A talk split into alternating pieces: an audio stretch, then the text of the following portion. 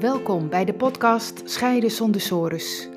Ik ben Annewieke van der Boom en ik begeleid mensen die op het punt staan te scheiden en bang zijn voor een financieel drama, verlies van contact met je kinderen en eindeloze discussies met hun partner naar een nieuwe situatie waarin je meer quality time hebt met je kinderen, weer respectvol en ontspannen met je partner kunt communiceren en weer financiële duidelijkheid hebt. In deze podcast geef ik je informatie, tips en achtergronden die jou kunnen helpen goed door je scheiding heen te komen, met als resultaat weer plezier en energie om verder te gaan met je toekomst, voor jezelf en voor je kinderen. Dat is Scheiden zonder sores.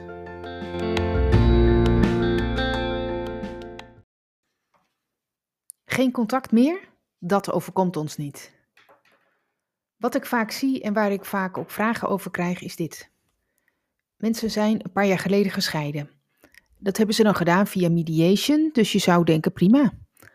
Alleen lopen ze er nu tegenaan, een paar jaar later dus, dat het contact met hun partner niet meer goed loopt. En ze hebben wel kinderen. Ze merken dat ze elkaar gaan vermijden en ze bellen en mailen zo weinig mogelijk. Want dat verloopt namelijk vervelend. Dus dan maar liever helemaal geen contact meer. Of het contact via de kinderen laten lopen in de hoop dat dat werkt. Alleen dat werkt ook niet. Ja, dan hebben ze dus bij de mediation keurige afspraken gemaakt over alle financiële kwesties, over de zorgregeling voor de kinderen, alimentatie en alimentatie voor de kinderen. Dat was allemaal al prima, keurig gedaan. Ze dachten ook dat dat wel voldoende was. En uh, voorafgaand aan de scheiding hadden ze ook geen slaande ruzies. Dus ze wisten ook zeker dat ze mensen waren die altijd redelijk zouden blijven, die samen door één deur zouden kunnen blijven gaan. En ze wisten ook zeker dat ze als ex-partners en ouders met elkaar wel een, een goed contact eh, konden houden over de kinderen. Maar toch verliep dit niet zoals gehoopt. Het veranderde al toen de een ging verhuizen naar een andere woning.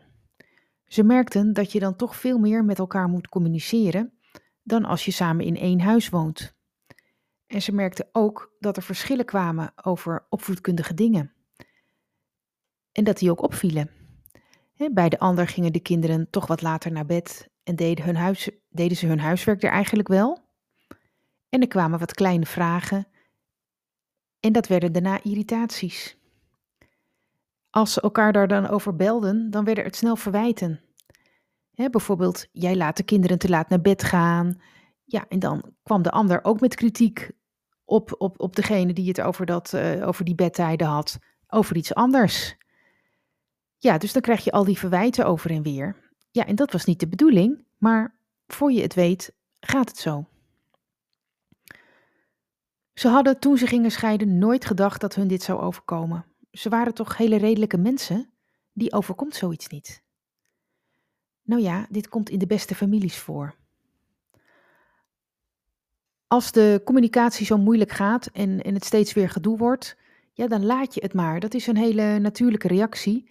En voor je het weet, kom je in de situatie waarin ik, eh, waarmee ik net begon. Ja, en dat is een ijzige stilte. Is dat erg?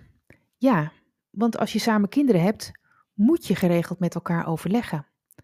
Je wilt bijvoorbeeld een dag verschuiven in de zorgregeling omdat je een cursus hebt, of er wijzigt iets in de schooltijden van de kinderen, of iets uh, in de sporttijden van de kinderen, of je kinderen willen graag tussendoor even langs bij de andere ouder, of er zijn op school dingen, hè, bijvoorbeeld uh, wie helpt je kind even bij het maken van een spreekbeurt op, of een werkstuk. Hè, welke ouder doet dat? Doe jij dat of doet de ander dat? Ja, moet je toch even overleggen.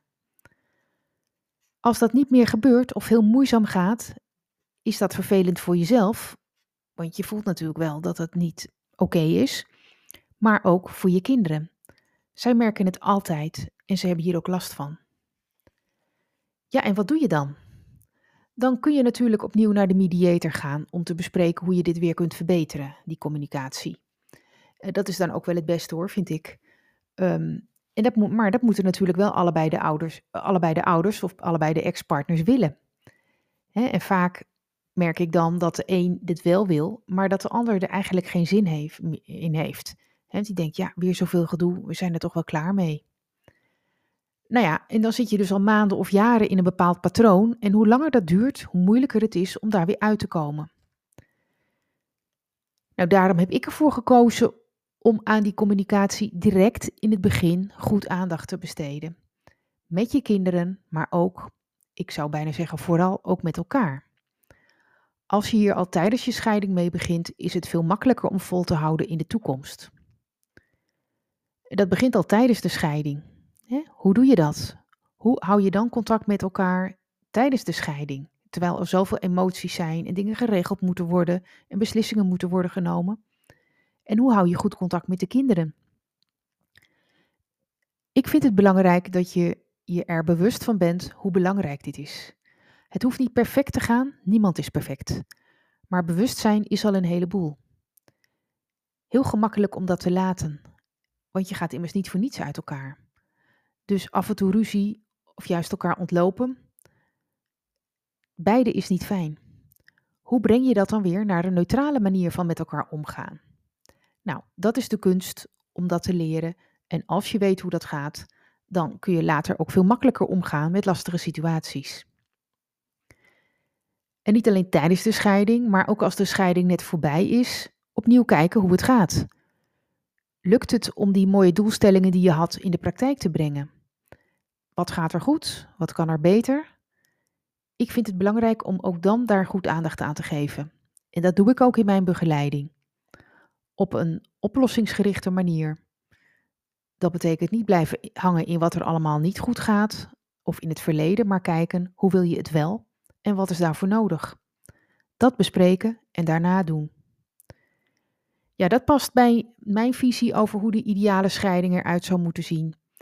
Um, ik gun iedereen na een scheiding een fijn contact met de partner, want dat maakt het gewoon lichter voor iedereen. Voor jezelf, voor je ex-partner en ook voor je kinderen. Ja, en dan kun je weer met volle energie de toekomst ingaan.